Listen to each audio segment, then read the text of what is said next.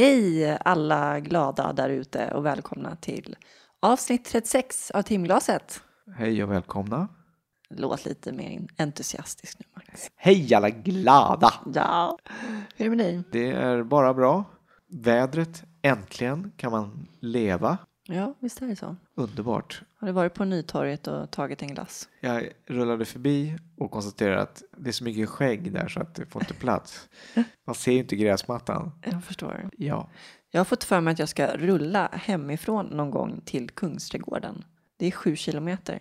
Jag blev lite inspirerad här i, eh, när det var Wings for Life i söndags. Det var ju lite coolt. Det var över 130 000 deltagare som sprang det här loppet. I Sverige? Om, nej, runt om i hela världen då, ja sammanlagt. Och eh, de samlade faktiskt in 60 miljoner kronor till ryggmärgsskadeforskningen. Det är ju trevligt. Ja, Är det inte dags att ringa Karl nu?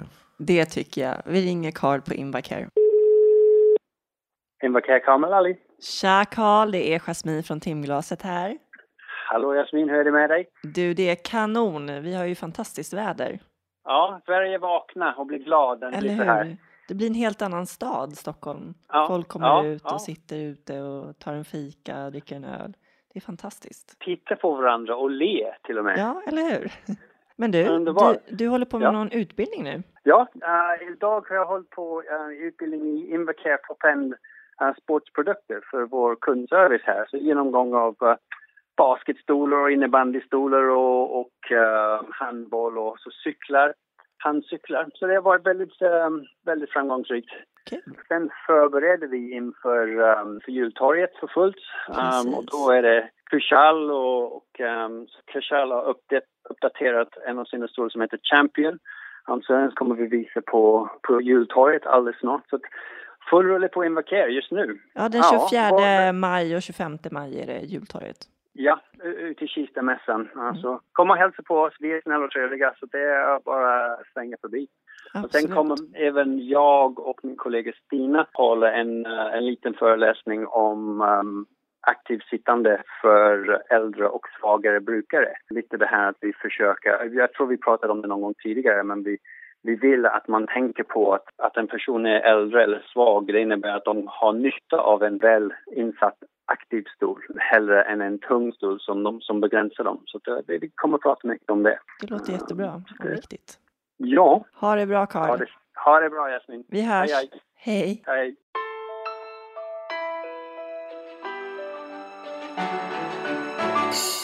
Idag ska vi möta Annika som tidigt började rida och blev väldigt duktig. Men en dag 2003 så skenade hästen iväg som hon red på och hon föll av hästen. Och bröt nacken. Och hon är förlamad ovanför nyckelbenen och ner och har väldigt nedsatt funktion i armar och ingenting händer.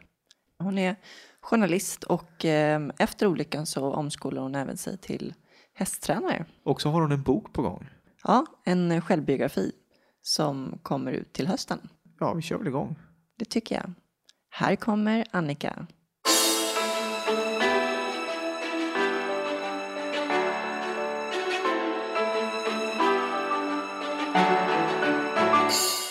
Hej Annika och välkommen till timglaset. Tack så hemskt mycket för att jag får vara här. Hur har eh, din dag varit? Den har varit bra. Jag har eh, lånat ut mig själv till ett forskningsprojekt idag som handlar om eh, andningssituationen Just och det. röst. Jag har gjort hos- samma grej. Ja, Och jag med. Ja, du ser. Alltså det, det, det här Världen är på liten. universitetet. Precis, Ja. på Fonetikcentrum. Mycket elektroder och peffa saker. Precis. Pepp, pepp, pepp. Ja, Ja, precis. det. Peppa, Pepp, pepp. Peppas bagage. Och, ja, absolut. Alla är tydligen Ja, med i det här projektet. Ja, men jag brukar vara lite mån om att ställa upp och sådana där. Det känns ändå som att eh, ryggmärgsskadade, vi är en så liten patientgrupp. Så det vill till att försöka ge dem all support man kan. Så alltid kommer de på någonting som man sen- kan ha nytta av. Mm. Men så just det här med andning och röst och så, det tycker jag var jätteviktigt och bra att de forskar mer kring för att det är inget som det pratas om. Och det är ju ett stort problem för oss som har höga nackskador att vi har dålig lungkapacitet och eh, röstresurs. Visst är det sagt. det. Visst är det det. Och det är ju som du säger, att det är ju inte lika sexigt som att lära en lam att gå. Liksom. Nej. Du Kan vi berätta vart du kommer ifrån och vart du är uppvuxen? Jag är uppvuxen i Årsta, söder om Stockholm, i en eh, lägenhetsförort på den famösa gatan, Sandfjärdsgatan, som många känner till. Det är bara sådana riktiga betongklossar från 60-talet. Familj, hur ser den ut? Mamma och pappa, fram till jag var tio och de skildes. Sen bodde jag med mamma. Hur såg eh, barndomen ut? Hur gick det i skolan och vad gjorde du på fritiden? Jag skulle säga att min barndom var väldigt eh, ordinär och det är inte ett negativt uttryck utan bara vanlig. Det gick ganska bra i skolan, väldigt olika i olika ämnen beroende på om jag var intresserad eller inte. Fritiden var jag i stallet. Jag började rida på ridskola när jag var sex, sju kanske. Och sen gjorde jag den vanliga ridskolekarriären. Först då blev man skötare på en liten elak ponny och sen bemästrade man den lilla ponnyn och så blev man skötare på en stor häst och sen började man sköta ridlärarens häst och så började man hjälpa till att utbilda ridskolans hästar och så, ja, så där trappades det upp det. Så det, Det jag. ganska intensivt. Det var liksom passionen i ditt liv. Att... Det var mycket kajka på tunnelbanan. Mycket Gorbys piroger, snabbnudlar. Vad hade du för drömmar som eh, barn? Eller liksom, hade du någon föreställning av vad du skulle göra när du blir stor? När jag var liten så ville jag bli journalist. Det är nog det första som jag kan komma ihåg att jag vet att jag ville bli. Vet man ens vad det är då? säga. Nej, nej, men det är jättekonstigt, jag vet. Det känns väldigt lillgammalt och beskäftigt. Det finns egentligen ingenting, liksom, ingenting skrytsamt i det heller, utan det var nog bara jag hade snöat in på det. Och jag visste att det var att, att ta reda på saker och så skriva om dem. Och jag visste att jag ville skriva. Vad gick du för skola? Årstadsskolan. Och sen till gymnasiet? På gymnasiet började jag på Åsö. Lite sådär turbulent tid. 90-tal. Fanns en del skinheads på skolan. Det gjorde jag, när jag gick ju grundskolan där. Ja, ja, ja. Efter gymnasiet då? Efter gymnasiet började jag plugga ganska omgående. Sen gjorde jag någon slags eh, kombinationsövningar. Att jag pluggade eh, lite fristående kurser. Och sen samtidigt så började jag jobba på Filmstaden Sergel. Och sen jobbade jag lite på, på ridskola också som ridlärare. Så vad hände efter eh, SF? Jag tog ju tjänstledigt från SF. Jag såg en annons om eh, ett jobb som utannonserades till eh, en eh, före detta OS-ryttare som sökte folk till sitt stall på Strömsholm som är en av Sveriges riksanläggningar för ridsport. Och som sagt, jag var skoltrött och eh, en av mina bästa kompisar kände väl ungefär likadant. Så vi sa att nej men vad fan, vi bara, vi tar ett år och bara gör det här istället. Så jag ringde den kvinnan då som hade utannonserat och pratade med henne och så åkte vi dit och så fick vi jobbet. Så då, hade, då tog jag tjänstledigt och studieuppehåll och allt vad det heter. Kände du att det var någonting du ville satsa på då? Och jag var ju väldigt kluven. Alltså. Det har alltid legat mellan det mer akademiska, intellektuella så, och, och hästarna. De två har alltid följts åt i någon slags oupplöslig kedja. Ska jag vara helt ärlig så jag trodde väl liksom inte att jag skulle jobba heltid med hästar hela livet. Men det var, jag kände absolut att det var värt att... Och jag, jag satsade inte på någon, på någon landslagskarriär. Alltså det var inte på den nivån. Men jag kände fortfarande att jag ville se hur, hur långt jag kunde gå. Innan jag åkte till Strömsholm så hade det gått ganska bra tävlingsmässigt då på min klubb hemma. Hur bra då? Min sista tävling blev jag Stockholmsmästare. Jag hade ridit allsvenskan och jag hade blivit klubbmästare de två sista gångerna. För oss som inte kan skit om hästar, vad, gjorde, du- vad var det för tävling? Jag är dressyr. Det finns ju olika discipliner. Man kan hoppa över hinder eller så kan man rida dressyr. Då ska hästen gå fint. Och så här, gå i sidled och Ja, sånt där, precis. till musik och sånt. Ja, framåt och bakåt och, Och så är olika man fort och så. väldigt välklädd. Ja, det är man också. Är det en fördel att du är liten? Nej, det är det inte. Det som är en fördel är att jag tycker att det är väldigt roligt med ponnyer. Vadå liten? Är du, är du kort? Jag är kort. Svårt att se. Ja, jag förstår det. Ja. Eh, Jag är 1,53. Och det är ganska kort. Det är lite som att inte riktigt nå ner till tramporna på cykeln. Så man sitter och, och viftar lite planlöst och hoppas på det bästa. Det verkar som att det gick bra i alla fall. Ja, jag hade snälla hästar. Mm. Efter att jag hade skadat mig och när jag började återvända till skolan och sådär så um, då hade jag en filkand i historia och valde lite mellan antingen journalistiken eller att bli gymnasielärare. Jag var nog ungefär lika sugen på båda men jag kände nog ändå en förpliktelse till det här barnjaget. Liksom att alltid hade varit någonting jag ville göra. Att ändå prova på journalistiken.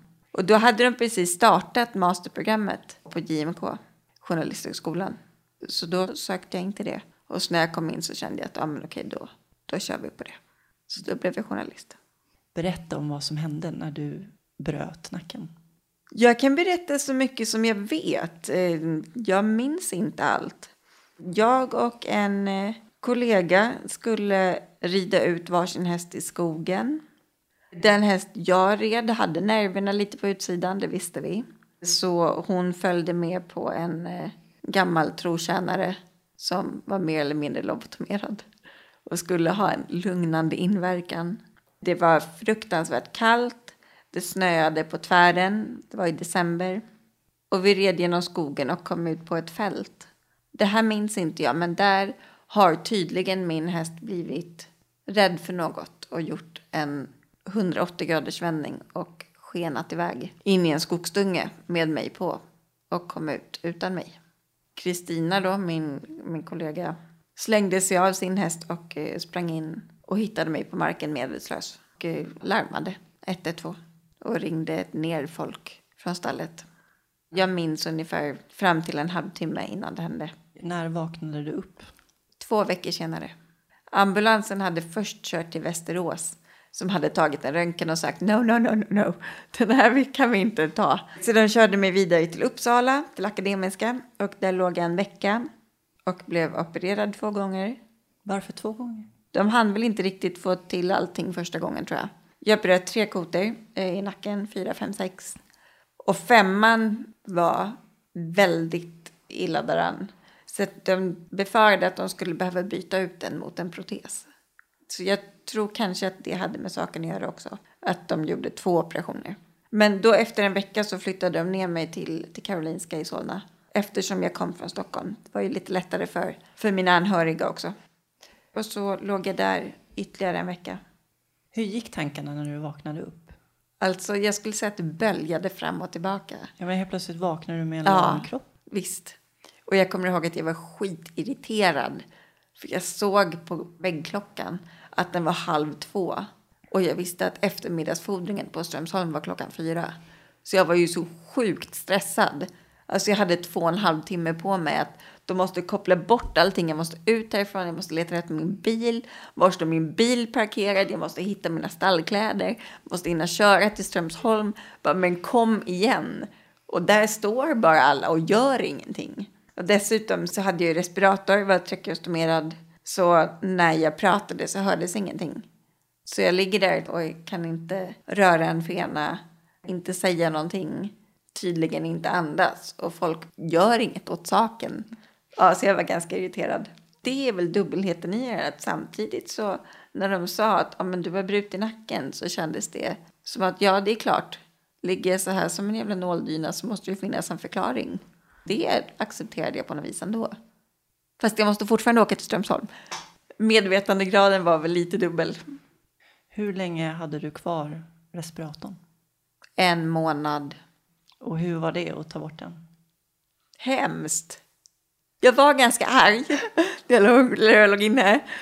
Då var det väl helt enkelt att... Um, alltså jag hade väldigt mycket biverkningar på intensiven. Jag hade lunginflammationer och jag hade blodbrist. Jag hade en feber då som pendlade mellan 32 och 41 grader.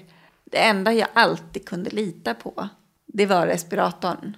Det var en extrem trygghet. Jag visste att ja, men då kan jag andas i alla fall. Alltså alla andra värden var ju som popcorn. Men den bara puffade på med en sån regelbundenhet. Plus att jag visste att eh, det var den ensam som höll mig vid liv. Och det är då de kommer fram och säger, du Annika vi tänkte stänga av respiratorn nu. Så att jag var inte Helt begeistrad. Men då hade du i alla fall kanylen kvar ifall att... Det kanske du gjorde likadant. Jag fick börja träna fem minuter en gång varannan timme. Det var hårda förhandlingar för att få ner det till tre eller två minuter kan jag säga. Det var tungt att andas i början. eller? För mig kändes det som jag hade glömt bort hur man gjorde. I och med att känseln var borta så jag var helt övertygad om att luften inte kom längre än till svalget. Att jag drog in, men det stoppade liksom i halsen. Bara någon skulle rengöra den där jäkla tracken och sätta dit en tillfällig track emellan. Helt slemmiga, dra ut dem liksom. Och ska man, nej, det var fruktansvärt. Det var det värsta jag visste när de skulle rengöra. Men det var de tvungna att göra tre gånger om dagen. För att det var så slemmigt liksom. Ja, alltså jag blev ju slemsugen. Men det var ju det bästa som fanns tycker jag. När, när de sög slem. För då kunde man ju börja andas. Alltså då kunde man andas. Ja, det är precis hinder. samma där. Vilken dubbelhet. Att å ena sidan så var det ju så äckligt och gjorde så ont. Och, så, och samtidigt så... Befriande. Ja, så oerhört befriande. Jag kan fortfarande tänka på det ibland, vad, vad vi ändå är... Vad självbevarelsedriften får oss att gå långt, oss människor. Liksom. Att jag frivilligt utsatte mig för, för det obehaget, bara vad som helst, för att det går inte annars. Hur kändes det den månaden när du hade respiratorn och inte kunde kommunicera och prata? Jag framförallt då, min vana trogen, var ju förbannad på alla som inte fattade vad jag sa. Men ehm, jag måste säga att både personalen och mina anhöriga blev jäkligt duktiga på att läsa läppar. Eller åtminstone liksom förstå mig. Du hade aldrig en, eh, en tavla med alfabetet. Martin, min eh, pojkvän då, eh, numera min man, föreslog det. Att han ritade upp ett schema med bokstäver. Och jag blev så förbannad på honom. Bara skämtar ni med mig? Här ligger jag som ett kolli. Jag kan inte prata, jag kan inte andas, jag kan inte göra någonting. Är det mitt ansvar att se till att ni fattar vad jag säger? Vad kan ni göra någonting själva? Ja, nej, men jag var, jag var ett under av, av charm och välvilja. Ni träffades ju innan du skadade dig. Mm, vi träffades på bion. Vi var ju kollegor, så vi började umgås mycket som kompisar. Han hade bil och vi jobbade sena nätter dessutom. Det Det var var, praktiskt för dig. jättebra kombination. Absolut. Sen började vi väl sitta kvar i den där bilen och prata även när, när vi hade parkerat och började gå en del på bio. Ja, sen bara ledde en sak till en annan. Vilket år skadade du dig? Jag skadade mig i december 2003. Så i år fyller skadan tonåring. Jag bara räknar med att den ska komma i puberteten och börja jävlas med mig. Har den inte jävlats tillräckligt? På att säga. Ja, alltså jag börjar tro att det aldrig är nog. Men hur reagerade Martin då när han fick samtalet om vad som hade hänt? Det var en tjej från stallet på Strömsholm som ringde till min mamma. Och mamma ringde till Martin när jag fortfarande var i ambulansen på väg till Västerås. Han kom och hämtade henne och de eh, körde då mot Västerås. Och när det var någonstans utanför Enköping så ringde läkaren och bad dem köra in till kanten och stanna. Så då var ju de säkra på att jag hade dött. Och det hade jag ju inte. Men däremot så meddelade de ju då att jag var på väg till Uppsala istället. Och i och med att det var ett sånt jävla väder helt enkelt så sa de det att ni kommer nog bli omkörda av ambulansen men häng inte på. Då kommer vi liksom få plocka upp er också. Men de kom ju till Uppsala då. Och sen var Martin hos mig i princip dygnet runt så länge jag låg inne. Han avbröt ju sina studier vet jag. Vi gick ju i samma skola. Fast Ja. han, jag hörde talas om honom när jag började. Ja, det gjorde han sen. Han gick på någon slags övermänskligt övervarv. Där jag låg inne i knappt ett år. Och under den tiden var ju han hos mig 24-7 samtidigt som han pluggade, samtidigt som han jobbade med olika projekt. Jag vet liksom inte hur han fick ihop det. Sen när jag kom hem från sjukhuset så blev jag väldigt, väldigt deprimerad. Och fick åka in igen. Så jag låg inne ett par veckor igen. Och sen när jag kom hem efter det, då hade jag någonstans mobiliserat tillräckligt med kraft för att känna att nej men okej, nu kör vi. Då kraschade Martin. För då hade han ju liksom gått på 500 procent i ett och ett halvt år. Då gick han in i väggen. Och eh, fick ta studieuppehåll bland annat. Vad hände när du kraschade? Så här, på sjukhuset så var ju någonstans, där var ju någonstans funktionshindret hela premissen för min existens. Liksom. Det var förutsättningen för att jag var där. När jag sen kom hem till den eh, vanliga, hett efterlängtade men oanpassade verkligheten så kände jag nog väldiga inre krav på mig själv att lägga det här bakom mig. Och jag trodde att det var det som förväntades av mig.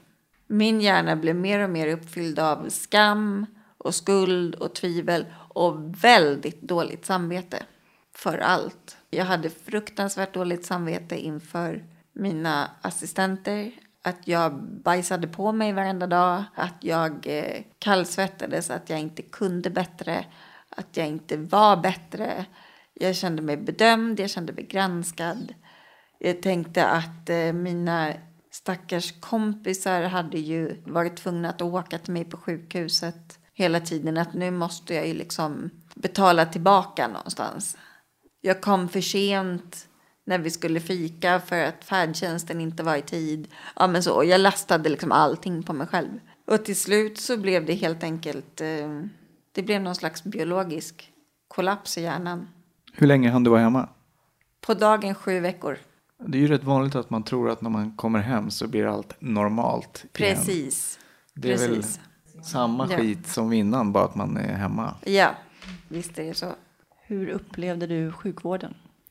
Både och. Jag har em, ett par av de mest betydande och fantastiska människor i mitt liv har jag träffat genom sjukvården. Den sjukgymnast jag hade på Karolinska är numera gudfar till, till min son. Det är samma sjukgymnast som jag hade. Ja, Vem då, vem var det? Mats Sternhag heter han. Han betyder jättemycket för mig också. Ja, visst. Och honom träffar jag två eller tre gånger i månaden jämt. Jag är på hans land varenda år och ja. Han har varit oerhört betydelsefull. Jag kände också kanske framför allt under den senare delen av rehabiliteringen att det fanns en väldig förväntan på vem jag skulle bli nu. Att det serverades en, en social verklighet också. Att här har vi de här handikapporganisationerna och kom och spela rullstolsbasket med oss och prata om det här och gör det här och var så här. Och det enda jag kände var ju att nej, men jag vill till stallet. Liksom. Där kunde jag väl känna att jag inte riktigt hittade någon roll i den här världen. Det är klart att det finns de som är, som är högre skadade än vad jag är. Dels bara genom att vara tjej så är man ju en minoritet här. Det är ju väldigt mycket macho-grabbar verkligen. med sina fyrhjulingar. Och jag var C4 på den tiden i princip totalförlamad och skulle inrätta mig ett liv med, med assistans och med, ja. Körde du permobil då? Jag hade permobil från början och hatade den. Jag förde så många inre fighter och framför allt mm, liksom gentemot mig själv och gentemot min egen bild av mig själv och de förväntningar som jag tyckte att andra rättmätigt borde ha och som jag trodde att andra hade. Jag kom ju och besökte dig på sjukhuset. Ja, det gjorde du. Ja, det... Och du hade smink på dig. hur kändes det då? Det är nog den närmsta religiösa uppenbarelse jag kommit tror jag. Åh, gud Jag vad hade- glad jag blir. Du var min tredje uppsökare. Den första uppsökaren jag hade var en man som är eh, en äldre generation än jag. Som kom åkande i sin permobil. Och dessutom var relativt nyskadad. Och eh, hade en inte helt igenom positiv livssyn. Du kunde inte relatera? Nej, jag kunde inte relatera alls. Och jag, jag kände väl ännu mer att det var som ett svek. Att vårdpersonalen hade gjort en massa tjusiga utfästelser om åh, vilken drivkraft jag hade, åh, vad långt jag skulle komma, åh, att jag var så envis och sådär. Och sen så, så kände jag bara, men gud, så får jag den här uppsökaren. Och då tänkte jag att men det är ju den här bilden alla har av mig. Liksom. Det är så här jag ska sitta i en likadan permobil och bara ha liksom ordet handikappad lysande över mig i neon. Så jag var jättebesviken och begärde att eh, få träffa en person som satt i manuell stol. Vilket alla tyckte var jätte jättebesvärligt och onödigt och inte alls kunde förstå för att det skulle ju inte jag göra i alla fall. Men det var det att få göra. Och då fick jag träffa en annan man, också från en annan generation än jag, som... eh, Väldigt märkligt måste jag säga. Ja, Hur som tänker man då? Men Alltså- det finns ju tjejer. Jo, det gör ju. Även inte många. Nej, men- det gör ju. Det man då dessutom behöver ha i minnet är ju att alltså, jag var ju rätt ung liksom. Jag var ju rätt ung i huvudet också. Den här andra mannen var, det var inget fel på honom så, men liksom kom in i lite sådär säck i fleecetröja och liksom, ja, skitsamma. Sen fick jag träffa dig och du hade jeans på dig och mascara. Och jag var så glad. Och dessutom så, ja, dels så var vi ungefär samma ålder. Det, det kändes som att det blev en, en skön avvägning där mellan att å ena sidan så, så höll du inte på att pracka på mig en massa grejer om hur, Nej, hur jag skulle leva. inte. Men sen samtidigt så kändes det inte som att några ämnen var censurerade heller. Liksom, jag kunde fråga dig hur många mikrolax du använde liksom, och det var okej Mm. på något vis. Det känner jag fortfarande är jätteviktigt för mig att inte, när jag träffar en nyskadad person, att inte pracka på liksom, någonting eller låta överhurtig. Eller, för mig är det jätteviktigt att eh, man ska känna att det är okej att vara ledsen också. Det är ju bara att se till sig själv vad man själv behövde när man låg där. Så då måste det i alla fall ha öppnats upp en ny värld på något sätt, ett annat perspektiv. Det gjorde det och sen samtidigt, och det är verkligen inte att förringa din insats på något sätt, men samtidigt så för mig var det just då, i det skedet, så hade jag, var jag helt inställd på bara, hur ska jag göra med stallet? Jag måste till stallet och hur gör jag då? Då så mm, pratade jag med min kusin, som också är hästtjej, och vi konstaterade att vi hade ju sett en tjej som var förlamad och som red liksom med oss andra. Så Tina då, min kusin, sa att "Ja, men vad fan, jag, jag försöker få tag på henne. Så hon gjorde det. Hon ringde och sa som det var att eh, nu är det så att min kusin har brutit nacken och behöver åka till stallet. Så hon kom upp och hälsade på. Hon hade med sig en massa bilder. Både då på, på stallet och på hennes specialsadel och sådär. Och det var så oerhört befriande. Och bara, ja men vad fan, kan vi bara skita i det här handikappade nu liksom? Nu gör vi något annat. Beskriv din funktionsnedsättning. Jag är till 86 procent förlamad enligt läkarintyget. Jag är eh, förlamad och har känselbortfall i princip från nyckelbenen. Jag kan röra vänster arm en del, höger överarm lite, lite. Handlederna och händerna är helt borta. Så jag sitter i rulle, såklart. Personlig assistans. När förstod du eller liksom att du skulle få leva med det? Och hur kändes det? Det fick jag ju veta då när jag, innan jag kom hem. Det var ju en förutsättning för att jag skulle kunna flytta hem. Var att eh, assistenter rekryterades. Och det var ju en så abstrakt liksom, fråga från början så att jag kunde inte överhuvudtaget sätta mig in i vad det skulle innebära. Hur drar man gränsen mellan Det det fysiska och mentala behov och var hittar man sin egen personlighet och integritet i det? Det är den absolut största omvälvningen i mitt liv. En bruten nacke är peanuts i jämförelse. Allt annat är peanuts i jämförelse, tycker jag. Vad är det svåraste? Det svåraste för mig har varit att, eh, att övervinna skam och skuld.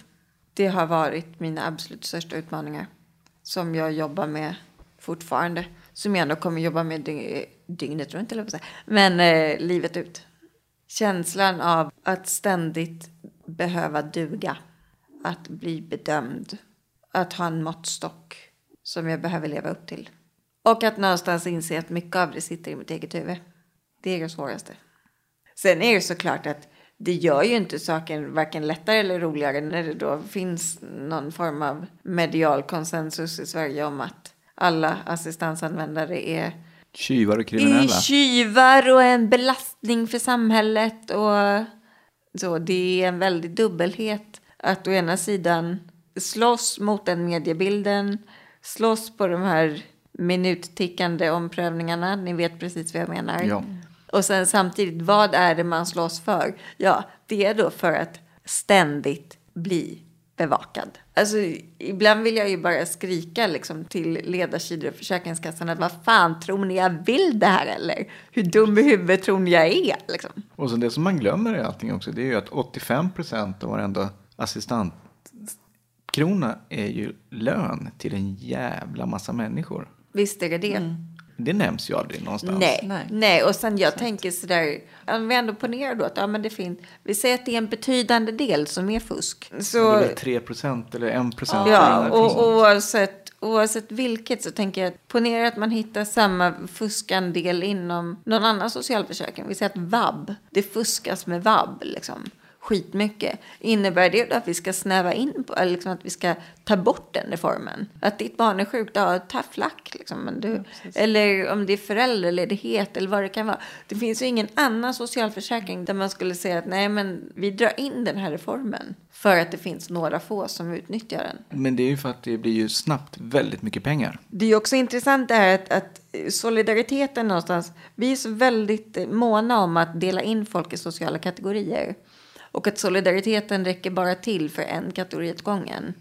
Verkligen missförstå mig rätt. Jag är riktig liksom, flyktingkramare. Jag tycker att det tyder på ren jävla anständighet att folk får komma hit. Självklart. Men det jag menar är att när, när det gäller eh, personer av ett annat kön, det vill säga kvinnligt kön, eller en annan etnicitet, även en annan sexualitet, att då står liksom kulturkolumnisterna redo på barrikaderna och basunerar ut allas lika värde. Men när ledarskribenter skriver att invalider ska in på institutioner igen, då är det tyst. Jag ser liksom inte Björn Wiman då som är kulturchef i DN eller någon annan liksom ställa sig upp till, till vårt försvar. Det är vi är någonstans den sista bastiljonen som man får uttrycka sig så om. Och det är speciellt. Jag tänkte på din man där då, när du kom hem med personlig assistans. Det var ju någonting som han också skulle anpassa sig till. Det var ju upp till honom att lära sig leva med det med. I och med att min första tid hemma var så kaotisk så tror jag att han fick nog sätta sig själv på undantag i det avseendet också. Sen har alltså, han har alltid haft lättare att leva med assistansen än vad jag har. Han är ju trots allt inte lika beroende som, som jag. Han kan ju lätt bara ta en promenad. Han kan faktiskt göra det.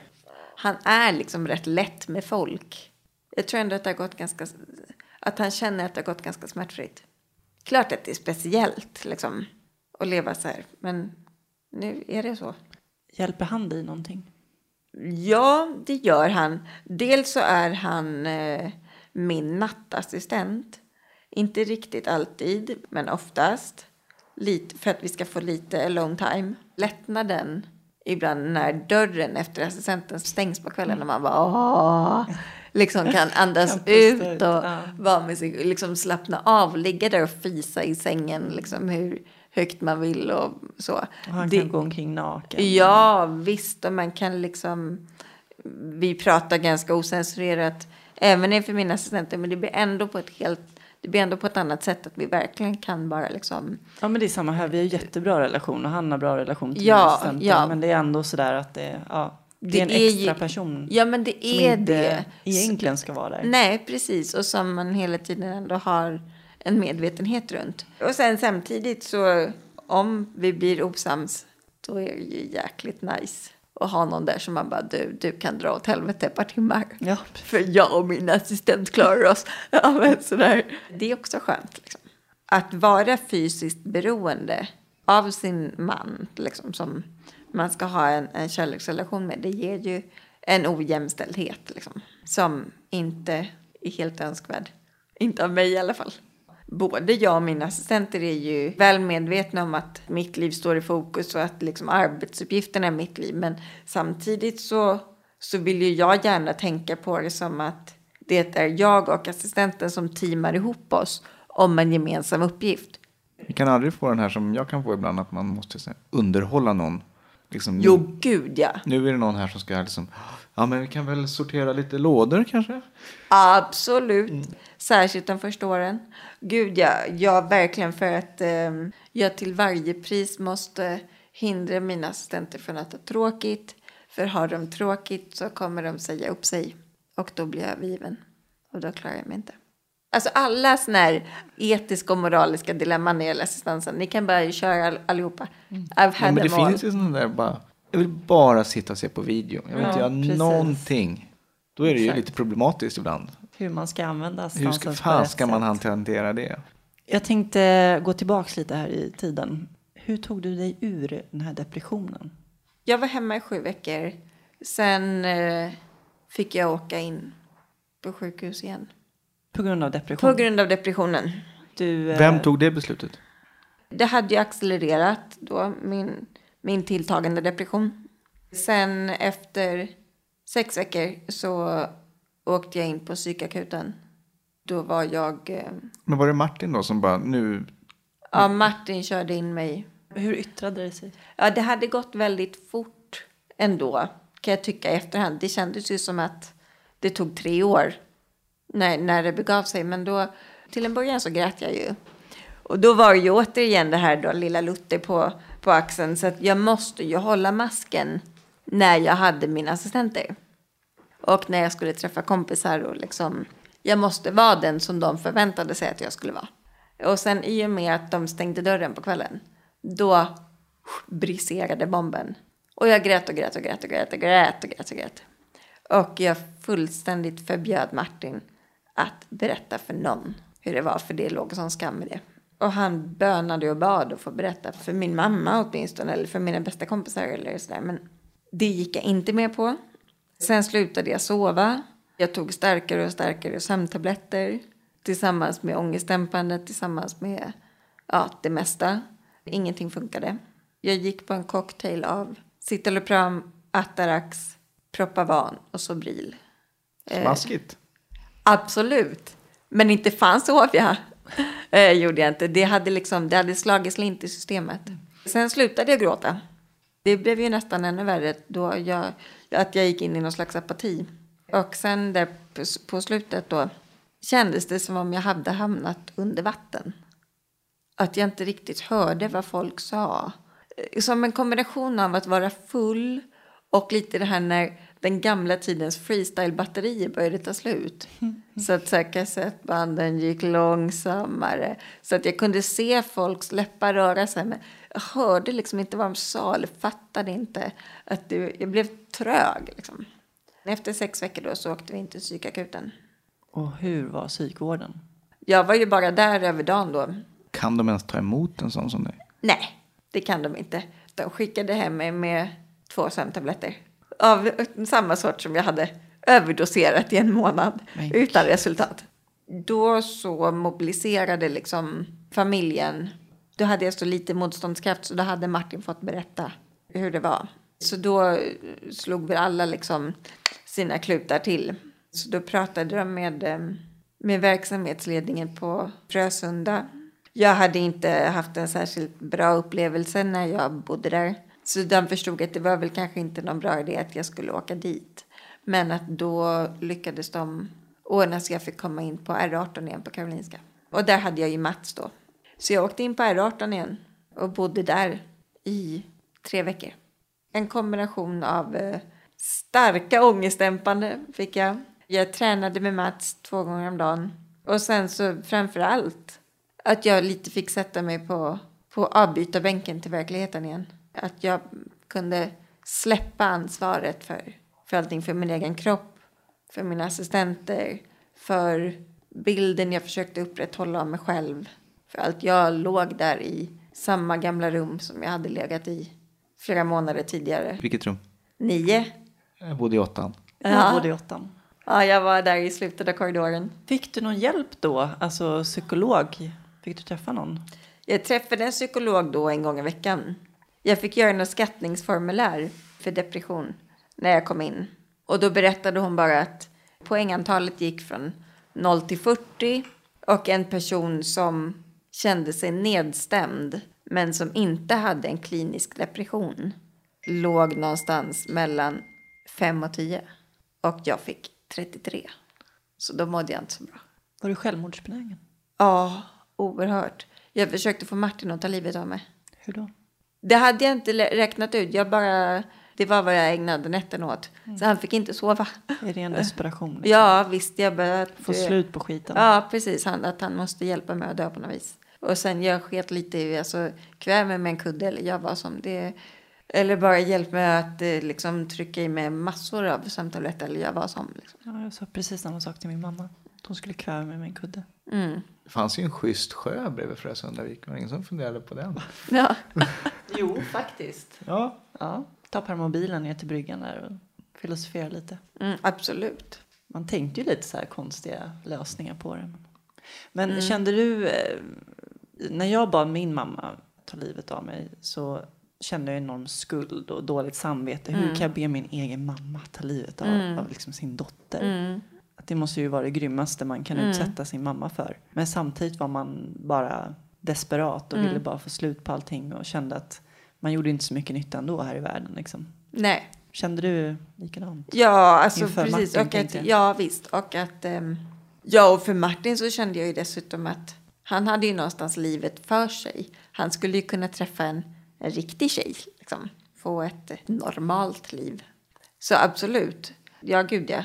Och sen att det, det låg något så definitivt i det här att det inte... Att det här inte är en skada som läker ut. Så det var inte att jag kunde se på det som att okej, nu är det liksom tio år här som är kämpiga. Utan det här skulle ju vara för, jag skulle för evigt vara en belastning. Hur hanterade Martin när du eh, bad honom att ta livet av dig? Alltså han blev ju ledsen och frustrerad. Så till slut så blev han väl liksom arg på mig i ren desperation. Men det fattar du väl att jag inte kommer göra liksom. Och det är klart att han också blev utom sig till slut.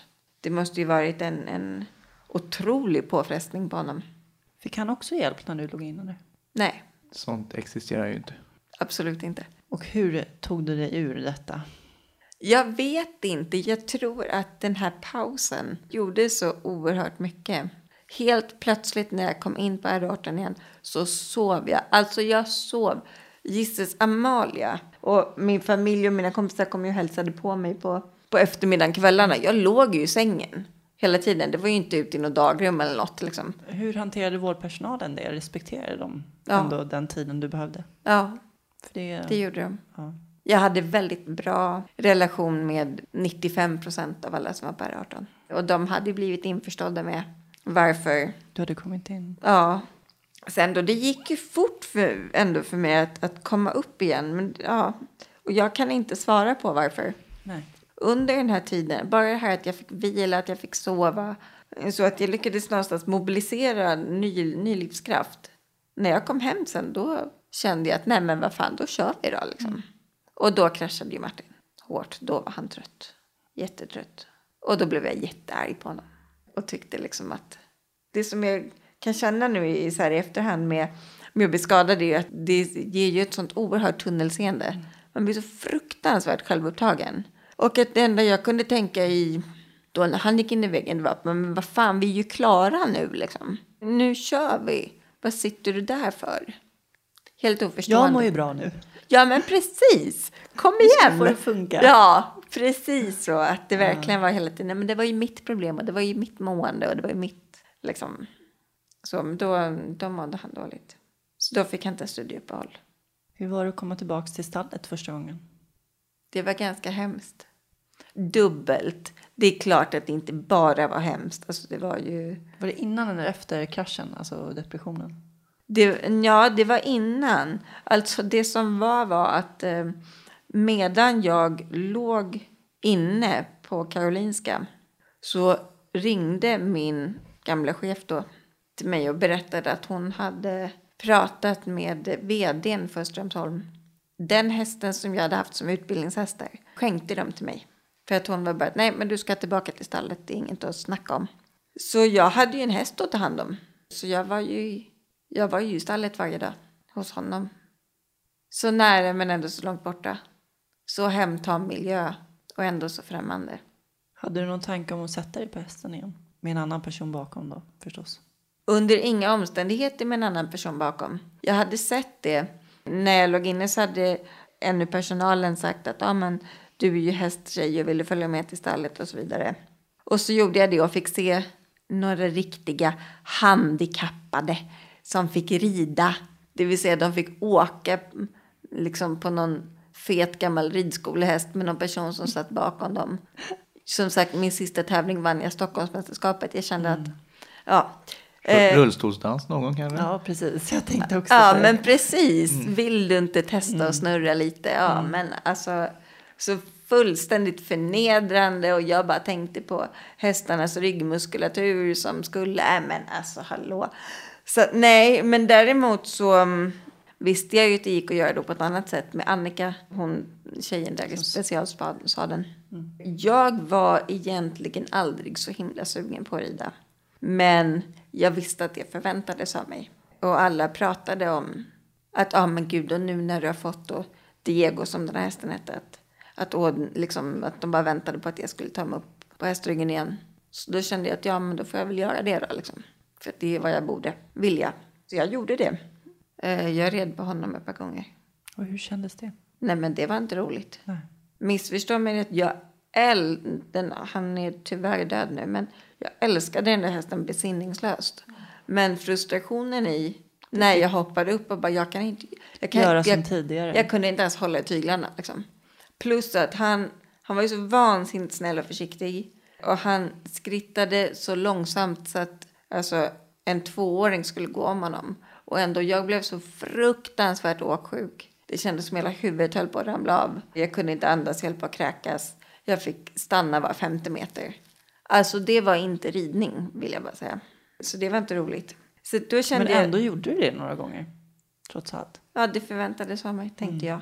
Duktiga flickan. Alltså, jag har mycket duktig flicka issues kan jag säga. Eller typ alla. Så, har haft det i alla fall. Nej, så att jag tänkte att jag måste omformulera målbilden. Så då gick jag en tränarutbildning istället. Och blev dressyrtränare. Så jag började undervisa mer seriöst. Hur gick det till rent praktiskt? Nej, men det var ju inget svårt. Det var ju bara att sitta i ridhuset. Hur fasen tar eleverna det? Som, är det tränaren? Ja, hej, jag har ramlat av en häst. Ja, Ta det försiktigt. Jag har ändå upplevt att det har varit ganska odramatiskt. Alltså, För dig eller för... Ja, alltså problemet är att för mig har ju alltid varit odramatiskt egentligen. Själva olyckan är, är det, det minst liksom spännande i det här. Jag har nog försökt att vara ganska avdramatiserande. Man kan bli överkörd av en bil på ett övergångsställe också. Gjorde du det för att det var någonting som förväntades av dig och för att du skulle vara en Med, duktig med, flicka? med tränarutbildningen? Nej, det, Eller- det gjorde jag. Nej, Det utan var där, roligt. Det var roligt och där kände jag, för mig var det så viktigt att hitta ett existensberättigande inom sporten. Du liksom. håller ju kvar i den världen. Ja, verkligen vill jag det. Eh, Och här kände jag att då hade jag en roll att fylla och faktiskt någonting som jag kunde bidra med. Så det kändes jättebra. Hur tänkte du kring boken när du började skriva på den? Det allra första syftet var att bara skriva ner. Det var ju en sån oerhört liksom omvälvande upplevelse. Så att bara skriva ner anekdoter, mycket för att komma ihåg vad det var som hände. Det som är med i boken det är ju någonstans essensen av, liksom, alltså snacka om the tip of the iceberg. Att det finns ju miljarder grejer som egentligen inte har någon större liksom, betydelse annat än för mig eller oss som var med. Men att jag skrev ner det bara för att, för att komma ihåg. Jag var ju från början intresserad av detta med min självbild och vad som händer när en liksom utåt sett alldeles ordinär människa när hela förutsättningarna för hennes existens slås samman vad som händer i den förändringsprocessen. Och med några års distans så kunde jag börja se mig själv mer utifrån. Liksom. Så då började jag koka ihop något. Och när var det här i tiden? Alltså jag började för ganska länge sedan men sen har jag ju inte hållit på hela tiden utan ibland har det vilat ett år och ibland tre månader och sådär. Jag tror att jag började skriva någon gång runt 2009 kanske. I väldigt, väldigt sporadisk form. Sen var det ju lite sådär barn och sånt som kom däremellan så då blev det också naturliga pauser. När var det du fick barn? 2013. Var det planerat? Ja, det var det. Hur tänkte du inför det då, föräldrarollen? Att det skulle få lov att funka. Jag har aldrig övervägt att avstå från barn bara för att jag är skadad. Och som missförstå mig rätt. För att det här låter jättehemskt. Och det här är jättehemskt. Men kan alkoholister få barn att överleva så ska väl jag. Liksom. Det har ju såklart ställt andra krav. Både på mig och på mina assistenter. Och det jag verkligen vill ha fram är liksom att jag vidhåller att jag avskyr att ta assistans. Det gör vi nog allihop. Ja, Men jag avskyr ju inte mina assistenter. Liksom. De har varit och är fantastiska på att verkligen ställa min föräldraroll framför allt annat. Jag har ju aldrig varit förälder utan assistans. Så jag vet inte riktigt hur man är det. Men min roll funkar. Liksom. Jag tror det är många där ute som undrar hur det går till. Hur det funkar att eh, föda helt enkelt med en Att bli med barn. Mm. Ja. Ja, det också. Ja? Det kan vi ta i ett annat program. Detaljerna, tack. Ja, precis. Eh, Att bli med barn var, var Men det var på svårt. naturlig väg. Det var naturligt, absolut. Jag blev gravid skitlätt. Vi var typ i varsin ända av huset. Martin hade kallingarna på. Det var inget svårt. Det var inte svårt att föda heller, höll jag på att säga. Eh, Jag fick välja om jag ville föda vaginalt eller snitta. Jag valde efter moget övervägande att snitta. Mycket för att en ryggmärgsskadad kvinna, eh, så här, en, en kvinna som inte är skadad, så när verkarna kommer så spänner man sig för att det gör ont. Och då stoppas processen upp lite. En ryggmärgsskadad kvinna där muskulaturen är glatt, där kan förlossningen gå väldigt fort.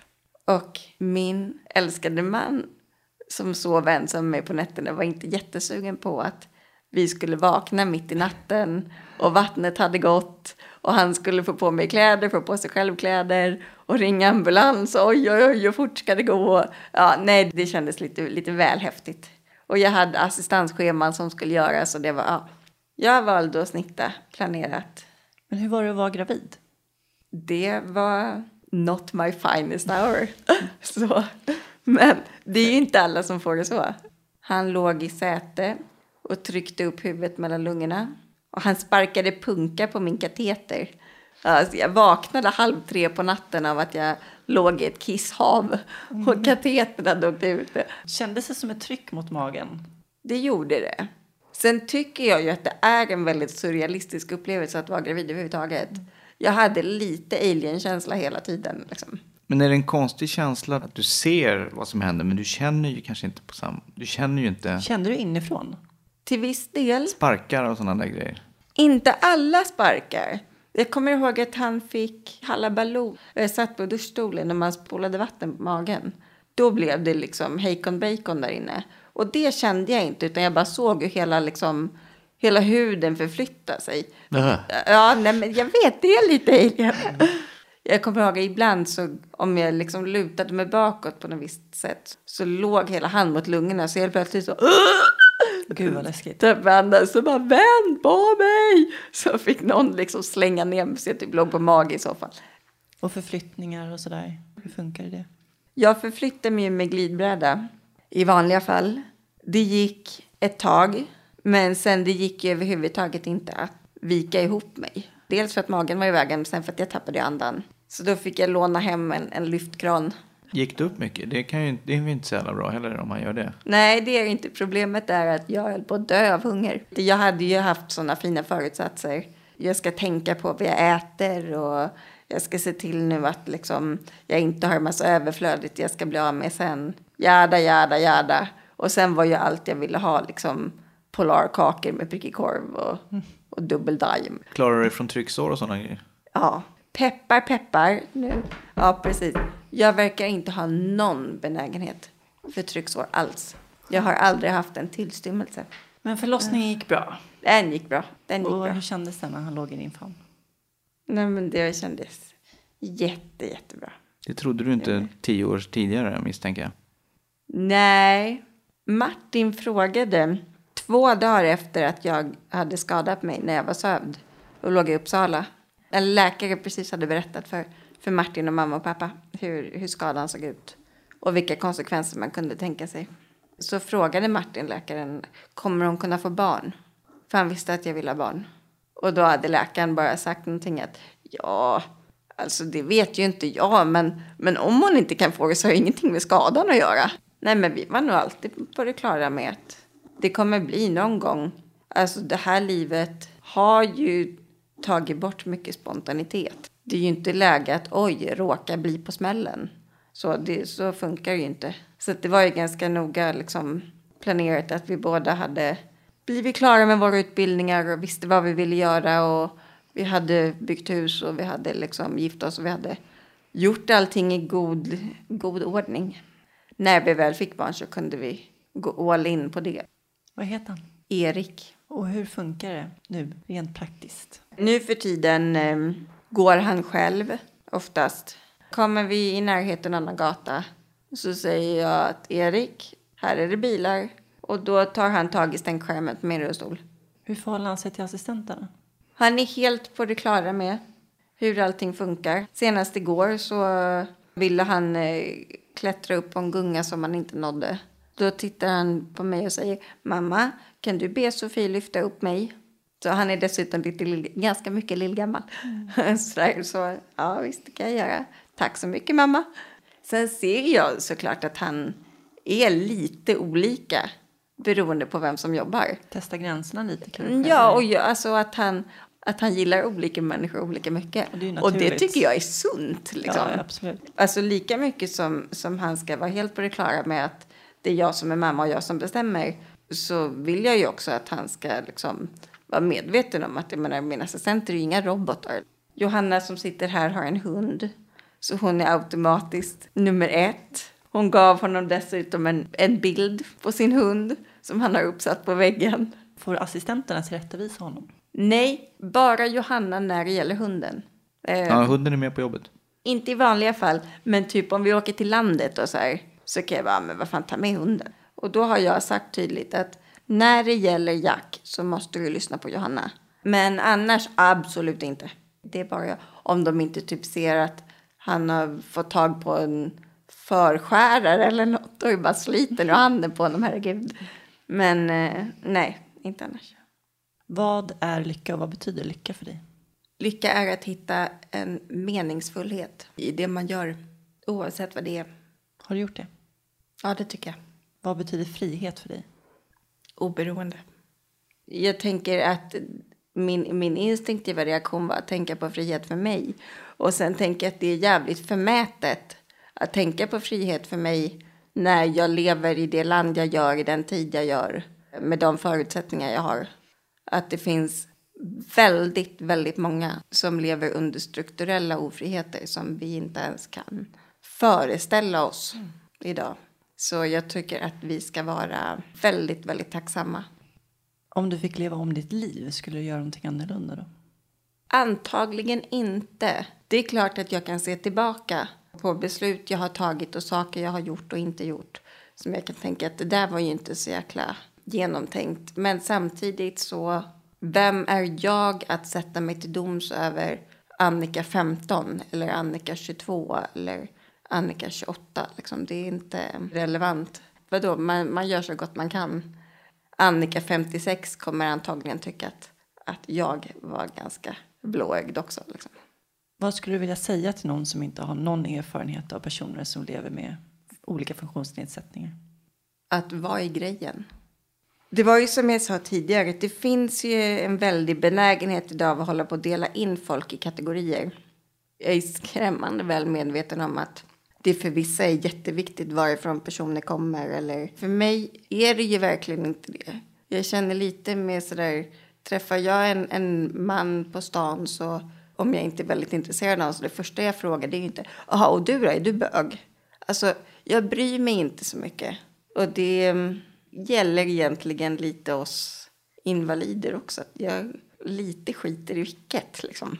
Jag skulle nog önska att folk i gemen var lite mer så att alla bara blev tagna för hur de betedde sig snarare än vilka förutsättningar eller färger eller funktioner de hade. Jag tycker inte att det är så himla väsentligt faktiskt. Om man inte typ vill bli basketspelare, då är det ju trevligt att vara av lite annan storlek än jag, men ja. Tack så jättemycket Annika för att du tog dig tiden och berättade om din livshistoria. Och tack för att jag fick komma. Det var jätteroligt.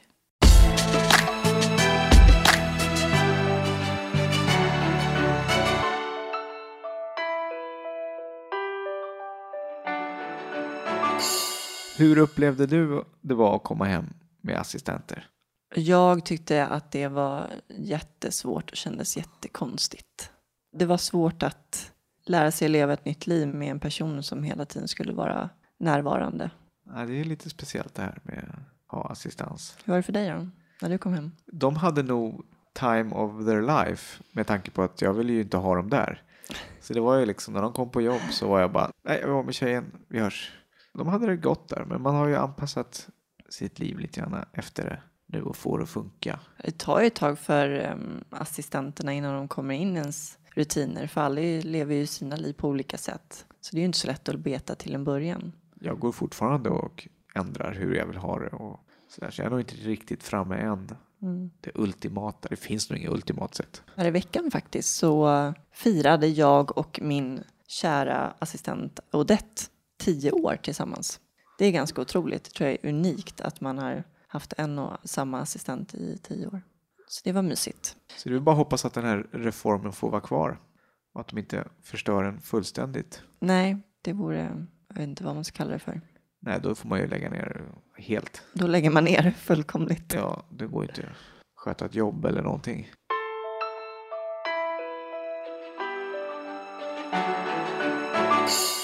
Vem är det som kommer nästa vecka? Då ska vi träffa Adam som föddes utan armar och med korta ben. Han är basist i bandet Leaving Asgard. Asgard, vet inte hur man uttalar det. Och eh, det ska faktiskt alldeles, alldeles snart ge ut sin första EP. Ser man på? Han spelar då med fötterna. Vilket låter helt galet. Mm. Har du sett det? Ja, det har jag. På Youtube kan man se klipp. Jag vill än en gång påminna alla om eh, jultorget som är på Kistamässan 24 till 25 maj. Den 24 kommer jag stå i stiftelsen Spinalis monter. Har ni vägarna förbi får ni jättegärna komma och säga hej. Och även Invacare kommer vara där gissar jag. Exakt. Tack Invacare för att ni hjälper oss med detta. Tack så mycket för samarbetet Invacare. Och hur får man tag i oss? Vi har en hemsida, timglasetpodd.se och där ligger ju alla intervjuer som man kan lyssna på när man vill, hur man vill. Och vi finns ju även på iTunes. Och man kan kontakta oss via kontakt. Och så finns vi på sociala medier, Facebook, Twitter och Instagram. Så där får ni jättegärna följa oss och eh, dela. Då får ni ha det så fint där ute.